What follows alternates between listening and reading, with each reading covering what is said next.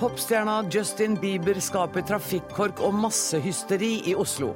Politiet ber folk holde seg unna operataket. 50 000 i streik, flere hundre tusen av oss merker følgende. Nå er det frykt for flyplasskaos, bensinmangel og enda flere stengte barnehager. Frp vil kutte i støtten til bistandsorganisasjonene. Dårlig idé som vil føre til økt konkurranse, sier Norsk Folkehjelp.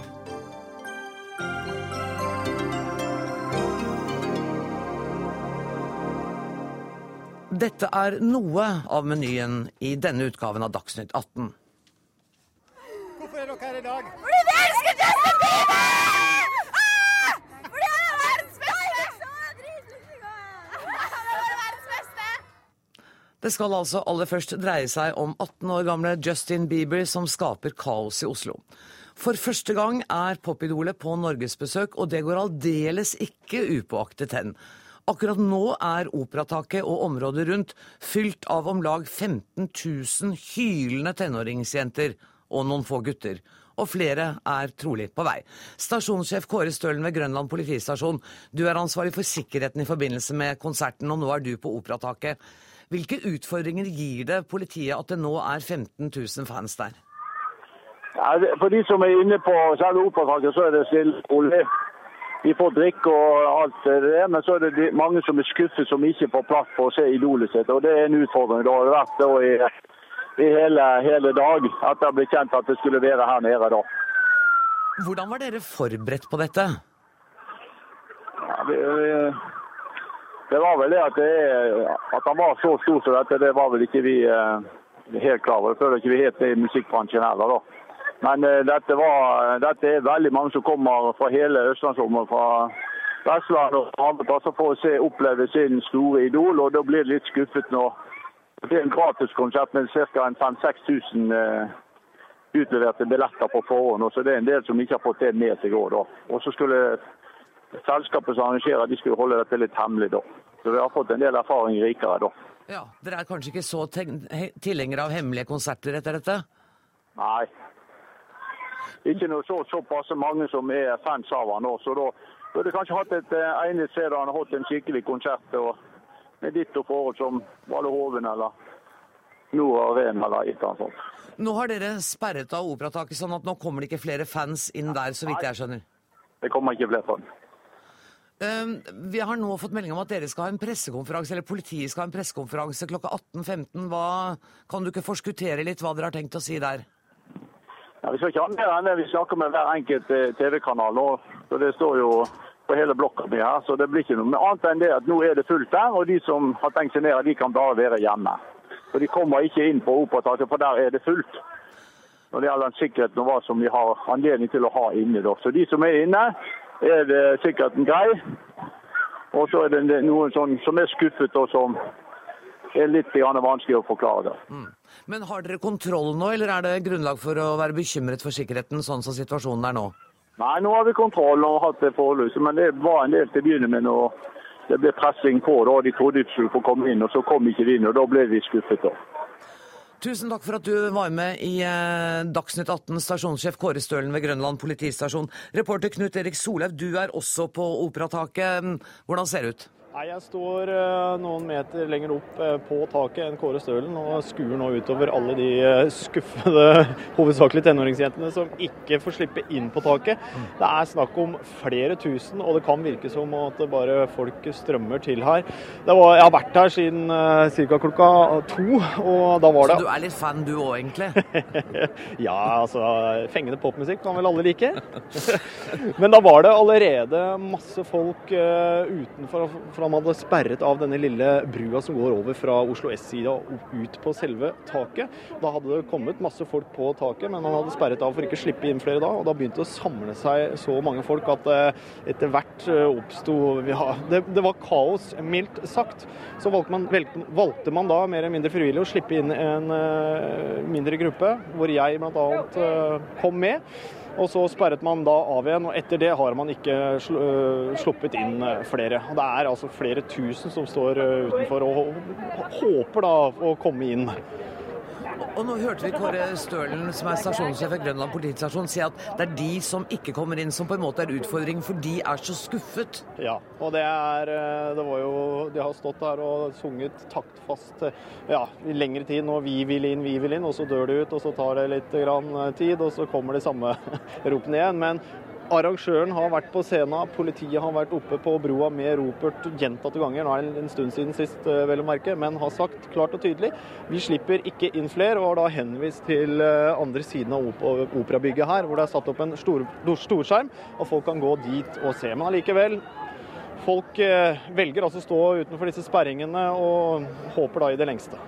Ja, Vi har vært i kontakt med arrangøren, altså Universal, og, de, og inviterte dem hit. De sa de hadde ikke tid til å komme, og det er det mulig å ha en viss forståelse for, tenker jeg. Um, Knut Erik, eh, du har vært der siden klokka to. Du er vel såpass fan at du prøver å bli over konserten nå, da? Tror du det blir konsert, forresten? Ja, altså øh, Det har jo versert utrolig mye rykter da, om det blir konsert, og hvor konserten skal være osv. Men nå, siste jeg har hørt, er da at øh, konserten skal finne sted sånn rundt 21.30. Uh, Justin Bieber skal komme på scenen, spille seks låter, noen nye, noen gamle. Om jeg kommer til å være her da, det gjenstår vel å se. Tusen takk for at du var med i Dagsnytt 18. Mats Borch Bugge, du er musikksjef i P3. Hva er det med Justin Bieber? Altså, Jeg skjønner at jeg ikke kanskje ser det, men, men hva? Fortell meg. Nei, han er, altså Det er sammensatt eh, forklaring, tror jeg. Han eh, er jo en fyr som har vært med oss veldig kort tid i forhold til hvor stor han er. Eh, Men han traff på en måte markedet, kan man si, som purung eh, gjennom YouTube. Var han ikke 14 eller noe sånt? Han var 15 da okay. vi ble virkelig stor, men han ble det gjennom YouTube og traff da på en måte Han var heldig med timingen, kan man si, fordi det var eh, den perioden YouTube på en måte etablerte seg som det viktigste mediet for å spre eh, musikk, og, og traff da et potensielt kjøpesterkt publikum som skulle bli hans fans. Og så har han det i seg at han er en talentfull eh, fyr som kommer fra et ganske vanlig sted i Canada, og så har han klart da å slå igjennom gjennom nettet. Så han har på en måte en historie som, som folk kan på en måte drømme om og relatere seg til. Da. Altså, han, han er en vanlig fyr som fikk det til. Og så er han eh, en teknisk god sanger, ser dritbra ut, eh, og har eh, truffet de rette folka som eh, har gjort at han eh, på en måte har jobbet med rette produsenter osv. Og, så videre, og, og hatt en ekstremt tydelig strategi bak hele eh, varemerket Justin Bieber. Og så, virker, så har han samtidig en, en atferd som er litt alminnelig. Han tvitrer om at det er publikums sikkerhet som er det viktigste for ham, og pass på dere sjøl. Han er litt, litt sånn ordentlig gutt. Ja, nettopp, og, og der er du inne på noe viktig, fordi han tvitrer, og han er, en, um, han er såpass ung at han er på en måte um, Han har tatt i bruk sosiale medier helt naturlig. Det er ikke noe plan bak det. Han, for han er det en inkorporert del av hans eh, univers. Og som du sier, han, han har hatt enormt eh, god kontakt med fansen sin fra dag én, eh, og er på en måte sånn sett, i motsetning til kanskje Rihanna og Lady Gaga og Beyoncé, mer, mer sånn en, en, en vanlig fyr som man kunne snakke med på gata. Nabogutten, liksom. Men du, hvor god idé er å ha hemmelige konserter? Unnskyld meg.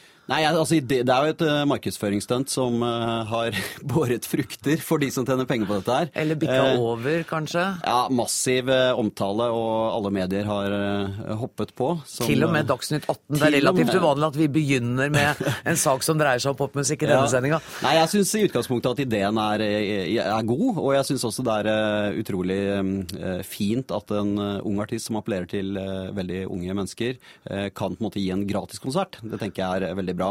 Men jeg tenker vel at eh, man skal vel ikke ha så mye mer enn grunnkurs i sånn HMS for å skjønne at, eh, at dette her kunne, kunne ført til uh, tragedier. Eh, det, har vært, uh, det er vel et under at det ikke har skjedd noe i løpet av disse dagene.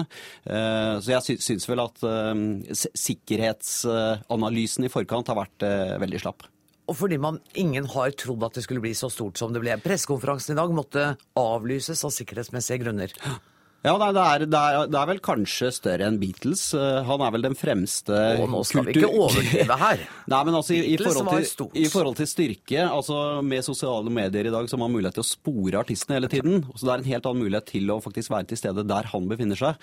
Eh, Så eh, dette her er stort. Han er vel dagens fremste kulturelle markør for unge mennesker. Så de jentene, for det er vel hovedsakelig jenter, som nå får oppleve ham, som Mm. er på konserten, det er vel en 5000-6000 av dem, de kommer til å gå hjem lykkelige klokka ti i kveld. Ja, det vil jeg tro. De er vel antagelig i eufori eh, på, på andre dagen. Så eh, hvis de har energi nok til å få med seg hva som skjer på scenen, så er de garantert lykkelige. Tusen takk for at du kom til Dagsnytt 18, musikksjef i P3, Mats Borch Bugge.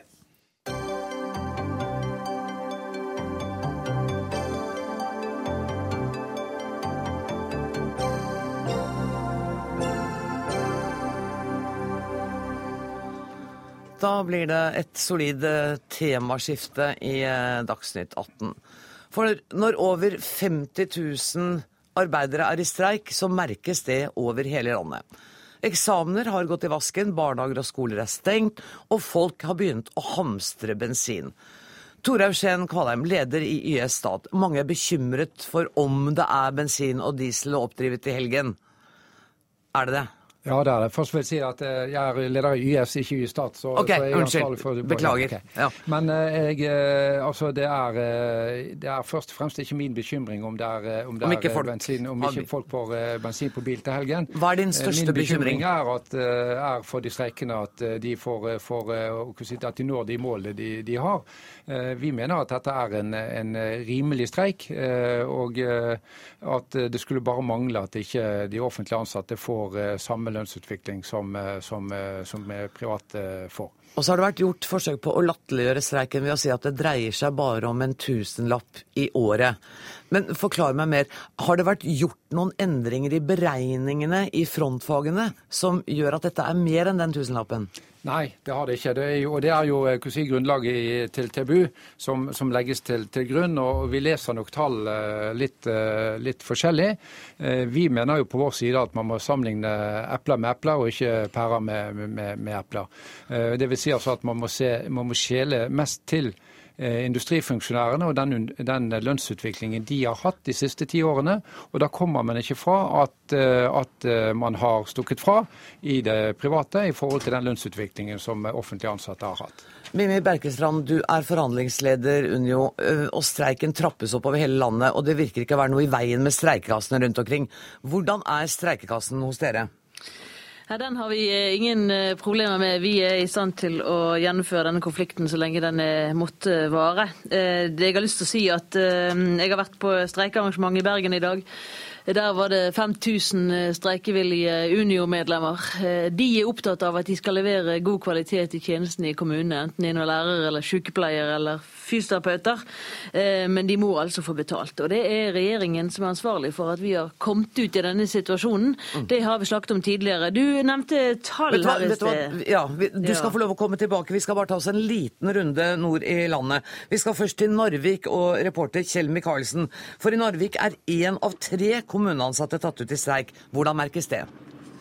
Det merkes selvfølgelig når 540 mennesker i eh, helse og skole forsvinner ut av arbeidslivet og ja, i det hele og store ikke er til stede der de skal være. Og her i Narvik så markerer de jo også akkurat det. Men det er noen som kan si at de er fornøyd med at det er streik nå. Og det er ordfører Tore Nysæter i Narvik. For Narvik kommune, Terra kommune Narvik, de tjener faktisk talt penger på det her. En halv million om dagen. Tore Nysæter, hvordan føles det å eh, skumme fløte her av en streik? Eh, enkelt sagt så ville jeg heller hatt eh, de på jobb for å levere gode tjenester til innbyggerne i Narvik, enn å spare de 500 000 hver dag. Ja. Men en eh, halv million om dagen, det er verdifulle penger for eh, Narvik kommune som en Terra-kommune. Alle må drar dra om oss, hos oss, men som sagt, jeg ville heller dem til å levere gode tjenester. Har det noen konsekvenser, denne streiken, for Narvik? Det har det jo. Enhver streik har jo konsekvenser. og her fra i dag av så merkes det vel, eh, eller denne uka her merkes det ekstra godt med at barnehagene og skolene er ute i streik. Tusen takk skal du ha, Kjell Micaelsen i Narvik. Vi skal til Trondheim og Martin Hammervik. Hva er de synligste konsekvensene av streiken eh, hos deg? Eh, de mest synlige konsekvensene her i Trondheim har jo fram til nå vært alt det søppelet som ligger og flyter rundt i byen. Eh, og det er pga. at eh, alle de som håndterer søppel fra Trondheim bydrift er tatt ut i streik. Men etter opptrappinga i dag så har jo også over halvparten av skolene blitt ramma av streiken. Og 130 barnehager er tatt ut, eller er ramma av den streiken her. Konsekvensene av at, at skolene stenges er jo det at undervisning uteblir. og det er også en del ungdomsskoleelever som ikke vil kun ta muntlig eksamen. Takk for den rapporten fra Trondheim, reporter Martin Hammervik. Og Mimi Bjerkestrand, tilbake til deg, for jeg avbrøt deg midt i et resonnement før vi satte over til Narvik. Eh, husker du hva du ville si? Ja, Det var bare at du var inne på noen tall med Tore Eugen i sted. Ja. Eh, og det er jo lagt fram noen nye tall i dag fra SSB som eh, viser at denne regjeringen har bommet fullstendig på sine anslag når det gjelder lønnsveksten i industrien. Og det er slik at når vi forhandler her i landet, så er det industrien, både med arbeidere og funksjonærer, som ligger grunnlaget og så beregner vi våre krav ut ifra det. Eh, og eh, første kvartal så er altså lønnsveksten beregnet til 0,7 eh, Dette er normalen, ville vært 0,34. Så her vil de se en lønnsvekst i industrien, hele industrien, som denne regjeringen til neste år ville bite i seg når de ser statistikken komme. Men foreløpig, vi er ikke der, og det ser ikke ut til at noen har lyst til å bite i seg noe som helst. Ser du for deg at dette blir en langvarig streik? Vi er budd på å, på å si, holde på den streiken så lenge det er nødvendig, men vi er også klar til å skulle gå tilbake hvis det kommer et troverdig og riktig initiativ fra de som er ansvarlige. Våre medlemmer de er opptatt av at de skal få lønn for den jobben de gjør i offentlig sektor, men da må en altså forvente en lønnsvekst på lik linje med resten av arbeidslivet. Men det er jo det statsråden hevder at dere nå får ved det tilbudet som ligger fra staten. Men det vet statsråden er feil, og det vet statsministeren er feil feil, og SB-tallene i dag eh, dokumenterer akkurat dette.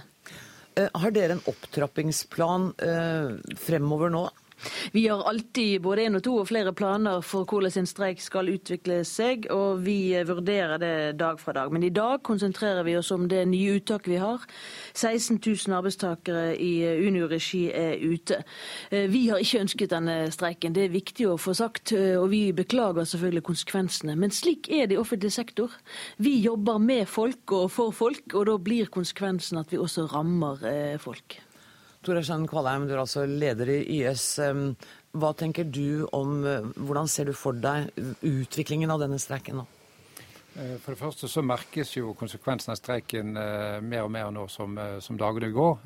Og nå er altså man ute i fase to fra, fra, i dag. I YS er det ute nå 4000 medlemmer fra stat og kommune. Og det er mange tjenester som eh, rammes, og det er ikke til å unngå at også publikum blir rammet, slik som situasjonen er nå. Men det er en oppdammet eh, frustrasjon. Det er første gang på 28 år at stat og kommune eh, streiker sammen. Mm. Og det betyr at streikekassene også er ganske fulle.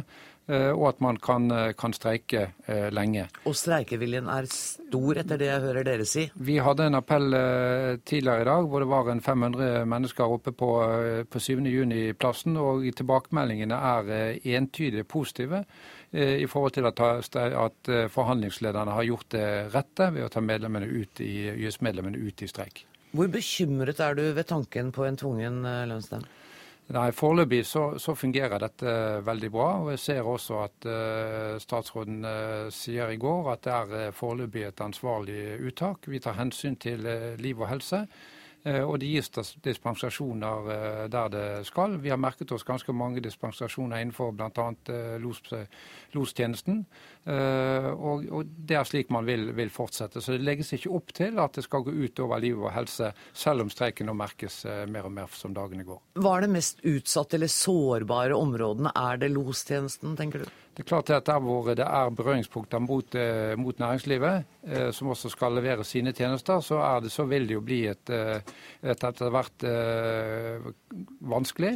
Eh, men vi forsøker hele tiden å, å skjerme liv og helse. Eh, uten, men selvfølgelig så går også streiken etter hvert utover publikum, og det merkes. Mm. Og det er jo noe av det som er det, resultatet av en streik, er jo at uskyldig tredjepart Hver gang så sier man kan man ikke streike uten at det rammer uskyldig tredjepart. Men, men jeg tror også det er viktig det altså, at, at, man ser, at befolkningen ser det at man er avhengig av eh, gode offentlige tjenester. Og når de blir borte, så ser man det at man trenger en kvalitativ god offentlig eh, standard her i landet. Mimmi Bjerkstrand, kan jeg ikke få din vurdering også på lengden og utviklingen av eh, den pågående streiken? Ja, det er jo alltid beklagelig at det går utover en tredjepart, men det er akkurat sånn som YS-lederen her sier. Vi er opptatt av å skjerme liv og helse, og vi følger situasjonen nøye hele tiden. Innvilger nødvendige dispensasjoner. Men det er jo klart innenfor helsesektoren at dette er vanskeligst. Mm. Det er beklagelig, og det rører jo oss alle sammen å se eh, eldre som ikke får den pleie og stell som de har eh, krav på og vi ønsker å gi dem. Når eh, småbarnsforeldre får vanskelige dager når barnehagen er stengt. Dette er ikke ønskelig, men det er helt nødvendig. Og det er som eh, Tore Schjøn sier, dette viser hvor viktig vår kunnskap og vår kompetanse er som skal levere disse tjenestene. Og jeg har lyst til å si én ting til, hvis jeg kan. Denne regjeringen her eh, snakker daglig til folk ute i kommunene hvor viktig tjenesten i kommunene er, hvor god kvalitet det skal være. Det er altså vi som leverer den kvaliteten, og da må regjeringen også betale for det. Mm. Eh, og vi skal bare gjenta at også i dag har vi invitert eh, ansvarlig statsråd i studio, men hadde ikke anledning til å komme. Jeg sier eh, takk til eh, YS-leder Tor Aursheim Kvalheim og Mimmi Bjerkstrand fra Unio. Og inn i studio er kommet Terje Alsvik Vallø. For i tillegg til at skoler og barnehager stenges, tømmes fengselet for innsatte og cruisetrafikken er lammet. Og attpåtil så er nesten alle statsmeteorologene tatt ut i, i streik. Um, hvordan merker folk at dere ikke er på Altså, jeg ser jo det på Dagsrevyen. Ja. At dere har slutta å melde Midt-Norge. Mm. Ja. Nå har vi sluttet å melde hele landet, for nå er jo ikke TV-meteorologene på plass i det hele tatt. Så nå er jo faktisk ingen værmeldinger på NRK TV verken morgen, middag eller kveld. Så nå er det helt tomt for meteorologer på NRK TV. Også radioen er nesten tom for meteorologer for øyeblikket. Er det de to Men ellers er alt som normalt? Jeg mener Flyplasser, havområdene våre, de får det de skal? Nei, de gjør Nei. ikke det de heller. Altså, det er en del eh, mangler der også. Flytrafikken får færre varsler enn de pleier å få, så det er en del tjenester som de vanligvis belager seg på å få og kjøper. Det blir ikke levert nå. Så de får også en dårligere tjeneste nå under streiken enn de vanligvis eh, vil ha. Men da må jo samme kravet til eh, liv og helse gjelde for dere som for alle de andre som streiker? Ja, så vi har fått en del, eh, vi har søkt om dispensasjon. Instituttet har søkt om dispensasjon fra en del oppgaver som er det vi kaller for liv- verdier-oppgaver. Så det blir utstedt eh, kuling, stormvarsler, ja, som farlig vær for flytrafikken høyt oppe, og oljeberedskap.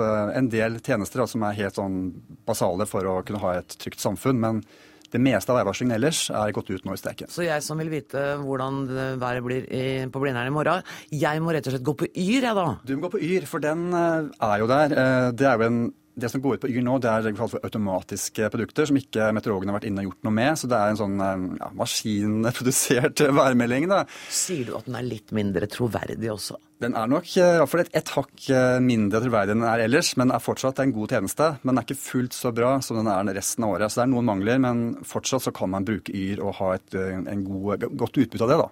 Men det er statsmeteorologene som er i streik, sånn at eh, Storm f.eks., konkurrerende meteorologbyrå, de eh, sender jo nå. De gjør det. Så de, på en konkurrerende kanal som vi ikke nevner navnet på. Dessverre. De er ikke tatt ut, eller er ikke med, så de, de er jo selvfølgelig uberørt av dette. Vi har hørt tidligere her at uh, streikeviljen er enormt god. Uh, gjelder det hos dere også? Ja, jeg var på et streikemøte i morges hvor mange av mine kolleger var. Og det var faktisk veldig god stemning. Og folk syntes det her var litt, uh, litt, spennende Ikke spennende, men det er så lenge Vi har aldri streiket før. Det er første gangen, så det er helt nytt. Dere veit ikke åssen det gjøres? Det er helt nytt og spennende for oss. Det er egentlig litt sånn rart å være i streik. Veldig, veldig uvant situasjon å være i. Ja, Og dere er helt åpenbart et stort savn for mange TV-seere. vi skal Tusen takk til deg så langt. Gunnar Stavrum, du er sjefredaktør i Nettavisen. Og vi skal snakke litt om pengene. De 50 000 som streiker nå, taper ikke penger på konflikten. For de har streikekasser alle sammen. Streikeviljen er som vi hører på topp, og kassene er velfylte. Men streiken koster fagforeningene opp mot 100 millioner hver dag. Ja, det er riktig. Eh, det er Forklar meg! altså, Fagforeningsmedlemmer i Norge de betaler jo medlemsavgift, kontingent. Eh, de får for øvrig trekke den fra på skatten. sånn at det er jo vi alle skattebetalerne som har sponsa oppbyggingen av disse streikekassene. Er du litt misfornøyd med den ordningen, er du? Jeg hørte det. Nei, ja, det er på en måte en annen politisk sak. Men i hvert fall, de bruker på en måte sin sparekasse da, for å holde streiken gående. Og Det som er interessant, da, at den enkelte som streiker, han taper ikke penger. Han får utbetalt like mye etter skatt som han fikk før. Kommunene og det offentlige de sparer 100 millioner kroner om dagen så lenge streiken pågår. Vi hadde kontakt med Narvik her i stad, som tjente penger på det, rett og slett. Eller sparte. Ja, så det, det absurde er jo at de partene de rammes ikke av konflikten. Det er bare tredjepart som rammes av konflikten i offentlig sektor. Det er de som ikke får barnehageplass. Eh, Barna kommer ikke på skolen, de får ikke tømt søppel, eller eh, de får ikke avlagt eksamen. Men er det sånn at du syns dette er en eh, dårlig aksjonsform i et moderne samfunn? Jeg syns i hvert fall det er et paradoks at det er veldig annerledes i offentlig sektor i forhold til privat sektor. For hvis du streiker i en privat bedrift, så går det med en gang utover bedriften. De taper inntekter, og det setter på en måte arbeidsplassen din i fare. Eh, Du har også fått så mindre streikebidrag, som du taper penger. Og det er på en måte Det har incitamenter i seg til å få en løsning på streiken. Det som er litt skummelt i offentlig sektor, er at de samme gulrøttene for å få konflikten over, ikke er der. Og det, det er litt skummelt. Hvor, hvor lenge kan det komme til å vare hvis man, som vi nå har hørt flere si, man ivaretar liv- og helsespørsmålene, eh, man eh, gjennomfører en ansvarlig streik, kan dette da bli langvarig? Ja, så Det er klart det er jo en streikeutmattelse også. Det er ikke så gøy å streike selv om det er fint vær. Og etter en uke og to og tre så lengter folk tilbake til arbeidsplassen. Da blir det litt murring. Det er også en tredje ting som er spesielt i offentlig sektor. Det er at når man, man vil ha slutt på streiken, så kan man bare ta ut noen grupper som gjør at man kommer i, i dette situasjonen med liv og helse. Og det som ofte skjer, er at man tar ut grupper som nesten truer liv og helse, sånn at eh, regjeringen får påskuddet til å, til å få tvungen lønnsnemnd. Eh, Det er vel det som ofte skjer. Og det kommer til å skje sannsynligvis på et eller annet tidspunkt denne gangen også. Jeg tror ikke det skjer før fellesferien i hvert fall. Du tror det ikke, altså? Det, det kommer ikke til å vare til langt ut i juli.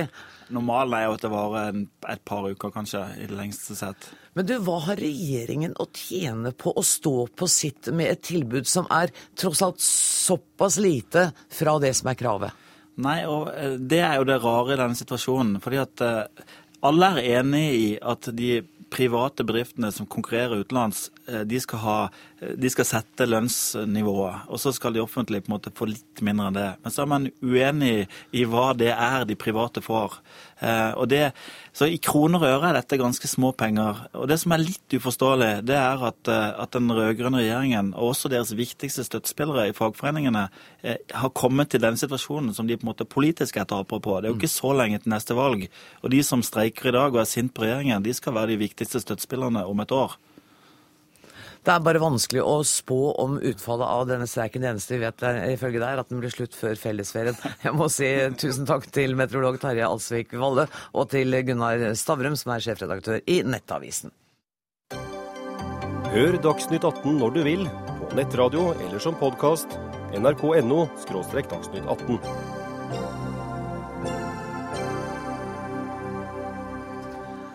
Det må bli slutt på at bistandsorganisasjonene får nesten hele budsjettet dekket av staten, mener Petter N. Myhre i Fremskrittspartiet. Han foreslår at den statlige støtten ikke utgjør mer enn 50% av budsjettet til de frivillige organisasjonene. For enkelte hjelpeorganisasjoner innebærer det et kutt på flere hundre millioner kroner. Velkommen hit, Petter N. Myhre, stortingsrepresentant for Frp. Det er jo ikke nytt, og det er heller ikke uventet at dere er kritiske til bruken av bistandsmidler. Men hvorfor vil dere da la organisasjonene sitte igjen med 50 av statsstøtten? Hvorfor ikke ta bort alt? Fordi vi ønsker å ha en aktiv utviklingshjelp hvor vi har klare mål, og hvor vi bruker midlene på en økonomisk måte, slik at vi får mest mulig utvikling igjen for de pengene som vi investerer. Fremskrittspartiets utviklingshjelpsbudsjett, altså det alternative statsbudsjettet for 2012, Ja. så har vi altså et utviklingshjelpbudsjett på 19 milliarder. Det er 8 milliarder lavere enn regjeringen, eh, men det likevel så ville Vårt utviklingshjelpbudsjett vært høyest i Europa i forhold til eh, innbyggertall og i forhold til bruttonasjonalprodukt. Sånn vi, men vi ønsker å bruke pengene på en mer effektiv måte. Eh, og det, eh, dette er ett av flere representantforslag som vi har tatt opp, og som vi kommer til å ta opp i tiden fremover for å effektivisere norsk uhjelp, og eh, også for å skaffe mer penger. For hvis vi eh, er litt mindre eh, gavmilde med pengene fra statskassen og over til I verden er det altså 38 000 forskjellige bistands- og hjelpeorganisasjoner. Hvis vi eh, stiller litt strengere krav til dem, og, får dem til å samle sammen litt mer penger og bli litt ivrigere på det, eh, så blir det jo faktisk mer penger til uhjelp. Men ville ikke de blitt enda ivrigere hvis de visste at her er det ikke en krone å få fra staten? Altså, Det virker som dere følger prinsippene deres litt sånn halvveis, og så tør dere ikke helt. Ja, men Vi har aldri snakket om å avskaffe u-hjelpen. Nei, det skjønner jeg, Eh, Selv ikke Anders Lange gjorde det i sin Nei, tid. men snarere tvert imot, for å få til et enda større incitament i de frivillige organisasjonene til å jobbe enda mer for å få inn de kronene de skal ha. Jo, da eh, sier vi at én krone fra staten når de har samlet inn én krone selv. På den måten så vil det altså bli viktigere for dem å samle inn penger som kommer i tillegg til det de får fra staten. Liv Tørrestø, generalsekretær i Norsk Folkehjelp. Dere får om lag 70 i statlig støtte etter det 66, ja, nesten. Ja, Ja. 66. Mm. Um, hva vil en reduksjon på 16% bety for dere? Altså jeg tenker Vi må ta et skritt tilbake. Vi er glad for at Frp er opptatt av effektivitet. Det er vi også. Og nå viser det seg jo faktisk at gjentatte undersøkelser viser at organisasjonene er veldig effektive. Sist nå Norads sivilsamfunnspanel med danske forskere involvert, som sier at det gjennomgående er høy effektivitet på akkurat denne bistanden. Punkt nummer to er jo at vi er underlagt strenge krav når det gjelder effektivitet, og strengere krav når det gjelder effektivitet enn det eh, FN-støtten er underlagt, det stat-to-stat-støtten er underlagt, næringslivsstøtten osv. Vi er opptatt av effektivitet, og hvis dere hadde fulgt den ideen helt i mål, så hadde dere jo sagt at vi burde få enda mer penger. Myhre, du skal få ordet før vi har en statsråd i studio, så du må bare være litt tålmodig. Ja, ja. eh, Dette er eh, litt leit å høre, vil jeg si. fordi at det, Når det er Norad som skal evaluere e- effektivitet, det er jo Norad som er ansvarlig for all u-hjelp i Norge, eh, så, så blir det bukken og havresekken. For det er nemlig andre undersøkelser i, i, i eh, f.eks. denne databasen som heter Quality of Official Development eh, and Efficiency. De sier altså at Norge er et av de dårligste landene av de store don donorlandene når det gjelder bistandseffektivitet og koordinering. Og da tror jeg at vi må tenke litt annerledes istedenfor å, å, å pøse på med så mye penger som mulig ut fra statskassen, og tenke mer effektivitet, og, og, at, må, og at hjelpen blir mer målrettet og virker slik som vi ønsker at det skal. Men jeg, men jeg syns det er vanskelig å bruke den databasen du nevner nå som det eneste riktige faktagrunnlaget å forkaste Norad. Jeg har ikke sett på noen av dem, så hvis vi kan la det ligge litt. ja. Så gir jeg ordet til deg, statsråd og utviklingsminister Heikki Holmås. Dere vil jo øke støtten til bistandsorganisasjonene. Eh, Hvorfor vil dere det? For det første så mener jeg at eh, bistandsorganisasjonene gjør en jobb for staten, og den gjør de godt. Det er mange av solidaritetsbevegelsene som er ute og gjør en jobb med f.eks. Flyktninghjelpen, som hjelper flyktninger. Jeg var og snakket med Ellen Johnson Sirleaf, nobelprisvinneren fra Liberia, som roste den jobben som har vært gjort fra Flyktninghjelpen for å hjelpe flyktninger i hennes eget land, bl.a. i løpet av, eh, av, eh, av den borgerkrigsperioden. Ja, det skjønner er. Ja. Så de gjør en god jobb, det er det ene. Og det, vi betaler de for å gjøre den jobben. Men den andre tingen er at frivillige organisasjoner, altså organisasjoner som består av folk i Norge som er med på å gjøre en dugnad, organiserer seg.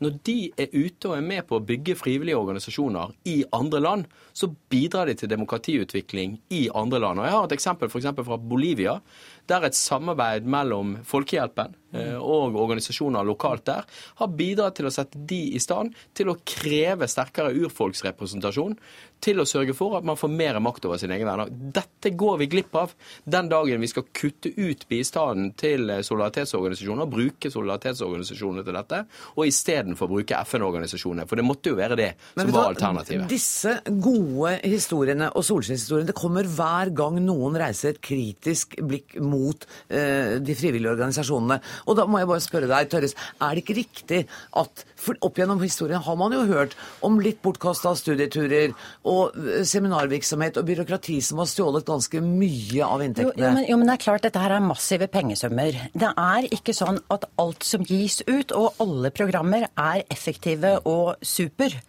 No, altså Du har varierende kvalitet, men det, det jeg sier, er at organisasjonene er gjennomgående opptatt av effektivitet. Det er gjentatte forskningsundersøkelser, og uavhengige sådanne, som bl.a. Norad da baserer seg på i sine rapporter, som sier at vi er gjennomgående effektive. Og så har vi krav som vi er underlagt hele veien, som gjør at vi stadig vekk forbedrer oss når det gjelder effektivitet og leveranser der ute. Og så har jeg lyst til å si to ting til. Fordi at Frp de er opptatt også av at et 50 %-tak det skal gjøre oss mer uavhengige. Det er også kommet fram nå, at vi da ikke skal være liksom politisk bakbundet av regjeringen. Vi er gjentatte ganger ute vi å kritisere regjeringens politikk, enten det er asylpolitikk, eller det er Midtøsten, eller det er Sudan, eller hva det enn måtte være. Vi har aldri opplevd å blitt kuttet i regjeringsstøtten opp til nå etter at vi har vært ute og kritisert. Så, så, hele det politiske argumentet er også ganske tynt, syns jeg. Og så har jeg lyst til å understreke en siste ting. Det er at Frp er opptatt av styresett og næringslivsutvikling ute i den store verden. Det er det vi holder på med. Vi bidrar til demokratisk styresett. Vi fungerer gjennom våre partnere ute som vaktbikkjer i forhold til illegitime og autoritære regimer. Demokratibygging er det vi holder på med, og jobbskaping og vekst er i høyeste grad på vår dagsorden også. Så strengt tatt så burde du vært opptatt av å gi mer penger til organisasjonene. Jeg skjønner ikke hvor dette fokuset deres har kommet fra. Hører du det, Myhre? Det skulle vært mer. Dere har bare tatt feil. Men la meg få lov til å gi Norsk Folkehjelp litt ros også. Okay. Fordi jeg har vært på besøk i Rwanda, som altså mm. var gjennom en kanskje verdenshistoriens verste borgerkrig mm. for noen år siden, eller i hvert fall blodbad.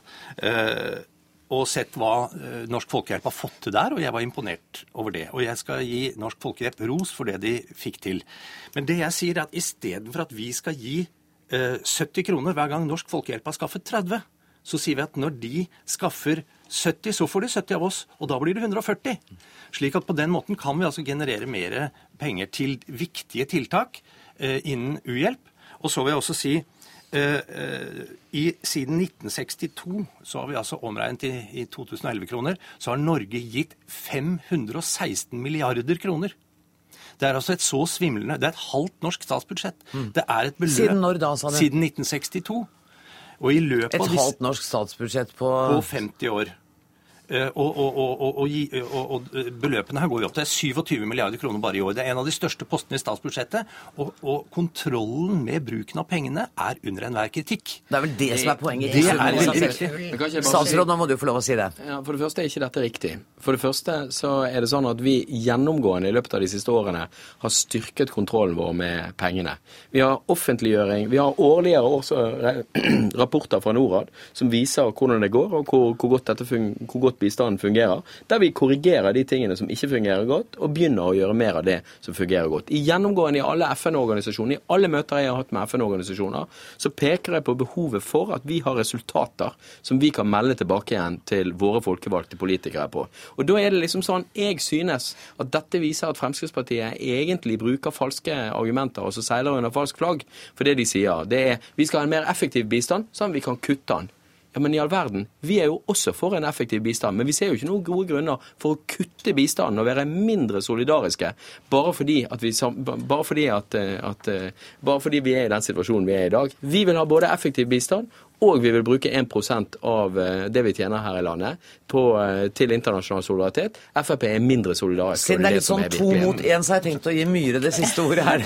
Var ikke det kjempegreit gjort av deg? Ja. Uh, bare, bare lyst til å si det at Norad er jo altså Man sier at Norad gjør all, hele denne evalueringen og, og, og, finner ut at hjelpen er veldig bra og alt er så effektivt og fint. Men Norad er en, i praksis en del av Utenriksdepartementet. Og Fremskrittspartiet fremmet jo tidligere i år et forslag om at vi skal få få en uavhengig evaluering av norsk uhjelp. Og det stemte de rød-grønne ned. Og det tror jeg de kommer til å angre på.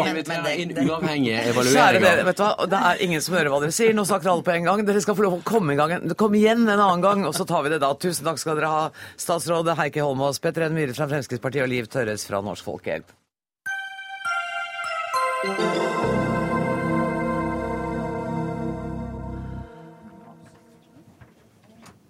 Det skal altså dreie seg om Julian Assange. For i dag bestemte Høyesterett i London at Wikileaks-grunnleggeren kan bli utlevert til Sverige. Og vår korrespondent i Storbritannia, Gry Blekastad Almås, hva er bakgrunnen for avgjørelsen i en britisk høyesterett? Det Høyesterett i dag eh, har vurdert, er om svenskene gjorde riktig da eh, det var en aktor som ba om å få Assange utlevert, og ikke en dommer. Eh, de har på en måte prøvd å besvare spørsmålet hva ligger i begrepet juridisk autoritet. Og Assange sine forsvarere har ment at det burde ha vært en dommer eller en rettsinstans som begjærte ham utlevert, mens britisk høyesterett i dag kom til at en aktor også er en juridisk autoritet. Gry, kan ikke du bare dra fort for oss og minne oss om hva denne saken egentlig dreier seg om? Jo, eh, Assange ble jo pågrepet eh, før jul eh, i 2010. Han har sittet i husarrest siden den gang. Da hadde to svenske kvinner anklaget ham for voldtekt og seksuelt misbruk. Og Det er jo i den forbindelsen at svensk politi ønsker å avhøre ham. Men på det tidspunkt så var Assange blitt en omstridt mann pga. Wikileaks og offentliggjøringen av hemmeligstemplede dokumenter, bl.a. fra krigene i Irak og Afghanistan. Og Han frykter jo at en utlevering til Sverige er første skritt på veien til en utlevering til USA. Og det er jo noe han absolutt ikke ønsker. Hvilket forhold har britene til utleveringsavtalen som er inngått nå? Nei, Den er jo under sterk debatt nettopp pga. denne saken, eh, den europeiske utleveringsordningen. For Britene liker som kjent ikke å få regler tredd over hodet på seg. Eh, De liker å sette premissene selv. og I denne og lignende saker får ikke britisk rett ta stilling til selve saken, altså til bevisene mot den utleveringsbegjærte. Retten skal kun avgjøre om grunnlaget for utlevering er riktig, eh, ikke om svensk politi i denne sammenheng da, har de bevisene de trenger eh, i saken mot Assange. Men jeg må bare få med også da at eh, Assange eh, sine forsvarere i dag ba om å få to uker til å vurdere en gjenopptakelse, en ny runde i Høyesterett. Og Det er jo veldig uvanlig og baserer seg på at dommernes argumentasjon dreide rundt en juridisk bestemmelse som de ikke hadde fått drøftet under selve rettsbehandlingen. Så, så nå har, har de på en måte utsatt prosessen i enda to uker i første omgang. da. Mm. Så han kommer ikke til å reise til Stockholm med det aller første? Nei. Tusen takk for at du var med oss, eh, Gry Blekkastad Almås, eh, korrespondent i Storbritannia. Journalist her i NRK, Øyvind Bye Skille, du har jobbet mye med Wikileaks. Hvordan forholder de seg til denne saken? Eh, både Wikileaks og Assange sjøl var veldig tidlig ute og sa at dette var en sak som handla om Assange og de anklagene fra de kvinnene om seksuelt eh, overgrep og, og voldtekt eh, for seg sjøl, og sa at det hadde ingenting med Wikileaks som organisasjon å gjøre. Men så har det jo da spunnet litt, og så ble det snakk om at det kanskje var en konspirasjonsteori, og så har Wikileaks da også uttalt seg mye om saken. sånn at de har gått litt bort fra det, og, og det er blanda. Altså, de har snakket med to tunger på det. Eh, sånn at de engasjerer seg jo nå mye for at de ha, vil ha Assange fri, og sammen med, med, det som har skjedd, så ber de jo om penger både til å hjelpe Assange og seg sjøl. Etter de store lekkasjene fra USAs forsvars- og utenrikstjeneste så har det vært ganske stille rundt det. Er det noen andre store lekkasjer på gang som du kjenner til? Det har vært noen lekkasjer eh, etter at det kom dokumenter fra de to krigene og fra eh, utenrikstjenesten til USA, men de har ikke fått så mye oppmerksomhet. Eh, det har jo også noe med at de ikke har hatt så god kontakt med medieorganisasjoner. For Assange har jo ikke vært i kontakt med så mye medieorganisasjoner direkte. Så han er viktig for Wikileaks?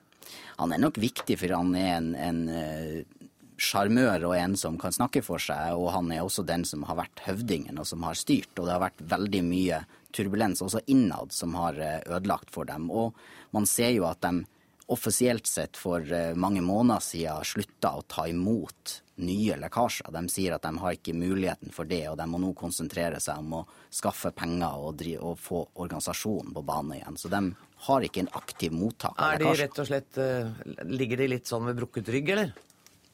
Ikke direkte brukket lygg, for de har jo kommet med noen lekkasjer faktisk nå etter nyttår også, men ikke så høyprofilert som de kjempestore lekkasjene fra USA tidligere. Jon Wesselås, du er advokat og spesialist på menneskerettigheter og ytringsfrihet. Hvor sannsynlig altså Nå hørte jeg i dag at uh, han vil anke dette til menneskerettighetsdomstolen i Strasbourg. Hvor sannsynlig er det at den saken havner der? Ja, det, Her er det jo mange ting å holde fra hverandre. Nå tenker jeg på voldtekts- eller den uh, overgrepssaken. Ja, men eh, så vidt jeg har fått med eh, at hans forsvarere nå har trukket eh, menneskerettighetsdomstolen inn, har å gjøre med det siste som, eh, som, eh, Som Gry snakket om. snakket om fra London, nemlig at avgjørelsen i dag i Høyesterett bygger på noen eh, argumenter som ikke var oppe da partene eh, var i retten. Og det er et problem eh, med hensyn til menneskerettighetene. altså Det har noe med kontradiksjon å gjøre. Altså At av, de avgjørende argumentene for at utlevering kunne finne sted, ikke var temaer som forsvarerne har hatt anledning til å kommentere eller imøtegå.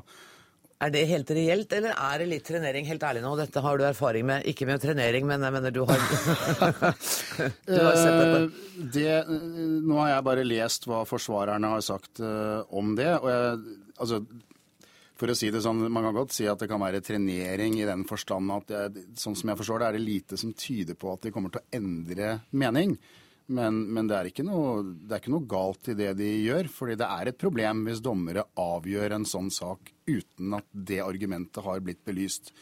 Så det er det en realitet i. Eh, Så får vi se hvordan det går. Men eh, jeg tipper at det er bare snakk om eh, noen ukers utsettelse, da. Men så har det også vært, eller han har jo sagt at han er redd for at hvis han blir utlevert til Sverige, så vil han også bli utlevert til USA. Ja. Det, er, eh, det syns jeg er et litt eh, merkelig eh, synspunkt. Fordi hvis, han, hvis amerikanerne vil ha han utlevert Nå er det jo ingen som har siktet han for noe som helst der ennå, i hvert fall ikke som noen kjenner til. Så kan de vel like gjerne gjøre det fra England som fra Sverige. Jeg kjenner ikke til noen grunner til at det skulle være lettere for amerikanerne å få han utlevert fra Sverige enn fra England. Nettopp det sa en representant for den svenske domstolen også, at vi har ikke noen grunn til å utlevere ham til USA, fordi oss bekjent så er han altså ikke siktet for noe der. Nei, nettopp. Så, så det er et lite mysterium for meg, og det tror jeg nok må jeg si, det er litt av denne spinnen som Wikileaks lager rundt dette, kanskje for å bygge opp under en, en konspirasjonsteori om at denne isolert sett uh, al alminnelige straffesaken i Sverige er en del av noe større. Uh, det er det jo heller ingenting som, som tyder på. Og, Vi- og Wikileaks eh, bygger jo på det fortsatt i stor grad. De har bl.a. de siste dagene og ukene dratt fram at Hillary Clinton kommer til Sverige og Norge i, om noen dager, og det er jo bare noen dager etter at Assange sin sak ble behandla i retten i Storbritannia. Så de bygger på den spinnen som eh, Jon Wessel Aas eh, nevner. Og, og han blir på en måte mer og mer en litt sånn mytisk skikkelse. Ja, altså de bygger jo på at det kan ligge noe mer under enn bare noe damehistorie. Vi må sette strek for uh, Assange-saken i denne omgang. Vi kommer sikkert til å snakke mer om den. Tusen takk, eh, kollega Øyvind Bye Skille, og takk til advokat Jon Wessel Aas.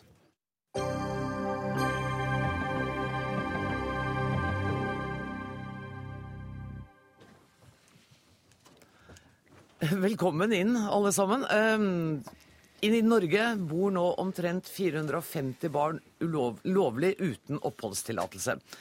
Å finne en løsning for disse har vært blant de største utfordringene i arbeidet med stortingsmeldinga Barn på flukt. Nå er innholdet endelig klart. Eh, egentlig vel ikke riktig enda, men vi tar det litt eh, på for- forkjøpet her. Lars Nehru Sand, du jobber i politisk redaksjon her i NRK. Kan ikke du fortelle meg hva innholdet i denne meldinga er? Det viktigste innholdet er at eh, regjeringen tydeliggjør at de mener at håndhevelsen av eh, bestemmelsene fra 2007, altså dagens praksis på utlendingsfeltet, spesielt med tanke på lengeværende barn, eh, er for strengt. Og man vil da at UNE skal ta mer hensyn til barn i fremtiden enn de har gjort nå. Eh, For å få dette til, så er det veldig interessant hva som ikke står i denne meldingen. og Det er at man altså ikke endrer loven, forskriftene, rundskrivene, eller altså disse papirene UNE har å forholde seg til. Eh, Det gjør man ingenting med. Man gir heller ikke noe amnesti, som enkelte aksjonister har krevd. Men man sier at man vil at UNE skal håndheve praksis eh, i forhold til barn bedre nå i ett år fremover for da å skulle evaluere dette. Så det er en viktig eh, presisering de også gjør. Det er å si at barn som har vært her, bodd her lenge, ulovlig, vil jo da ofte ha hatt så lang botid ulovlig at det i seg selv skulle kvalifisere seg til at de må eh, sendes ut av landet. Men man sier at botiden skal telle år for år.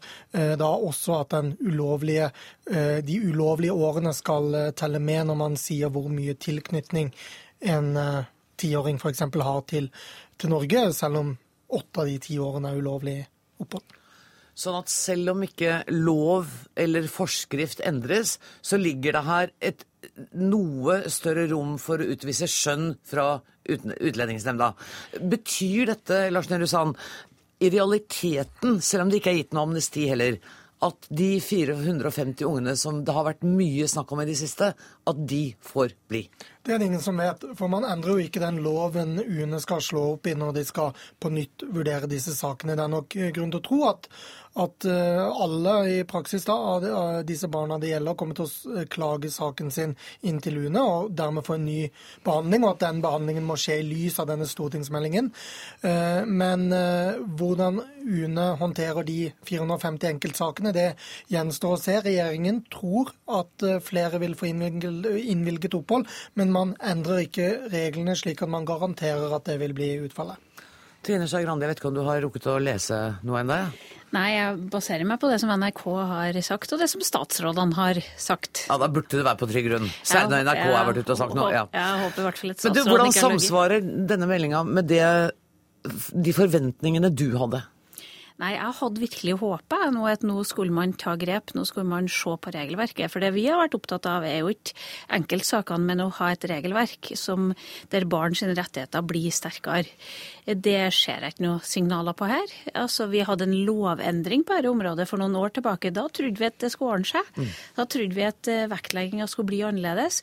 Den ble ikke det under denne regjeringa sjøl når man endra loven. Og nå endrer man ikke loven eller noen av de andre faktorene her heller. Og da tror ikke jeg at det kommer til å bli en endring. Vi kommer til å ha et like stort problem framover. Med oss fra studio i Bergen, jeg må bedre ta på dere eh, hodetelefonene, så har vi Aina Heldal Bø, som er leder for Støtteforeningen for ett av de såkalte asylbarna, nemlig sju år gamle Nathan Eshete. Hvordan reagerer du på det du har hørt om innholdet i dag?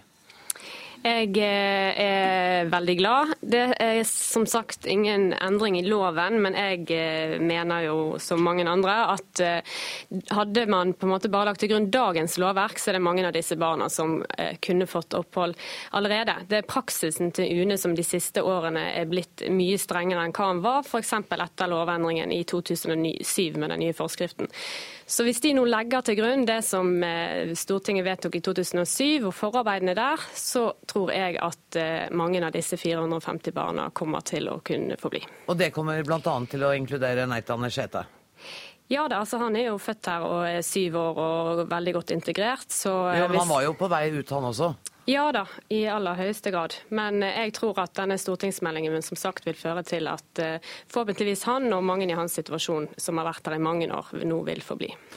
Vi skulle gjerne snakket med en av de ansvarlige statsrådene, men ingen av dem hadde anledning til å stille her i dag, så vi fortsetter runden nå til eh, Norsk organisasjon for asylsøkere. Ann Margrit Austenå, hva er det viktigste i meldingen, sånn som du ser det? Det viktigste er jo at eh, regjeringen eh, sier eh, klart i såkalt politisk signal til UNE, altså tilbake til 2007, tilbake til der lovgiver var og dit lovgiver ville. Og så har det vært en utvikling av praksis som har gått en annen vei, og det har ikke regjeringen tatt tak i. Så det triste på en dag som jeg er enig med Aina i Bergen, at er, vi må nå være positive på vegne av de barna det gjelder, men det triste er jo at denne regjeringen har latt så mange barn lide unødvendig i så lang tid for, før de kom tilbake dit. Men, men er det ikke noe Det det er litt sånn overrasket over at NOAS er så, øh, såpass fornøyde. For ville ikke dere egentlig ha ønsket dere både en lovendring og en forskriftsendring? Det vi ønsket oss, var et tydelig signal fra regjeringen eh, gjennom en forskrift eller gjennom en eller annen form for formulering at det skal gå en grense på hvor lenge et barn kan være i Norge før det får fulle rettigheter og før tilknytningen til riket anerkjennes. Det får vi ikke, og det beklager vi. Men det viktigste for oss nå er å kunne lette den situasjonen for de barna som allerede har lidd lenge unødvendig. Trine Skei Grande. Ja, Vi får håpe, virkelig intenst håpe at, det er så positivt som, som noen her tror det skal bli. Men jeg var med på den behandlinga sist vi behandla loven.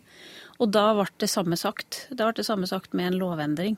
Det ble det samme sagt med forskrifter som det som sies nå av den samme regjeringa. Eh, og, og jeg må si at jeg er ikke så sikker på at dette kommer til å føre til de, de endringene som, eh, som man kan håpe på at det sjølsagt gjør. Så jeg tror at vi skal se de sakene, sakene klart. Jeg mener at grunnen til at man leverer en stortingsmelding, er for at man skal endre politikk. Og så mye endring at det kan kalles å endre politikk, det som regjeringa nå har lagt fram, det kan man ikke si. Ja, Nå er det jo veldig viktig at den påtroppende UNE-direktøren hører dette. Og også ettersom jeg har forstått det, så skal det altså evalueres. UNEs praksis skal evalueres om ikke lang tid. Og dette betyr jo en veldig klar marsjordre for eh, UNE-direktøren eh, på et område som eh, politikerne ikke kan instruere, men hvor de kan sende noen signaler, og hvor signalene har vært tolket ekstremt restriktivt eh, i en lang tid nå. Og nå håper vi at den nye direktøren tar de signalene og tolker de på en annen måte.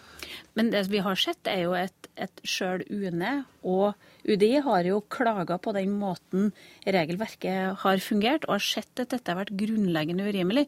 Så det er jo ikke liksom fra ond vilje fra de, de institusjonene som har gjort at vi har hatt den praksisen vi har hatt. Vi har hatt det fordi det har vært en villa politikk. Eh, og, og jeg syns det er rart at ikke regjeringa bruker en anledning til å se på regelverket og se på lovverket for å få gitt klare signaler til hvordan politikk man skal ha. Men man skal under hånden håpe at noen lytter til radio. Det er hyggelig, men, eh, men det betyr ikke at vi kommer i mål. Nei, og, jeg, og så lurer jeg litt på, eh, for at ingen vet nå om alle disse 450 barna får bli eh, som en konsekvens av dette. Det er dere enige om, det vet ingen. Og hvis det da liksom, ja, la oss si det blir igjen 200, så skal vi ha nye runder.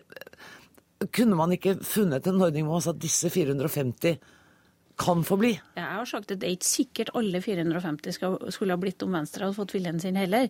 Hvor ville du ha skilt henne? Nei, Vi må ha lover og regler som gjelder, gjelder absolutt alle, og, som, og, vi må ikke ta utgangspunkt i de enkeltsakene. Vi må ha et regelverk som gjelder, gjelder alle. Og Da er det klart at det vi vil, det er at barns beste og barns botid skal telle mer enn innvandringspolitiske hensyn i disse sammenhengene.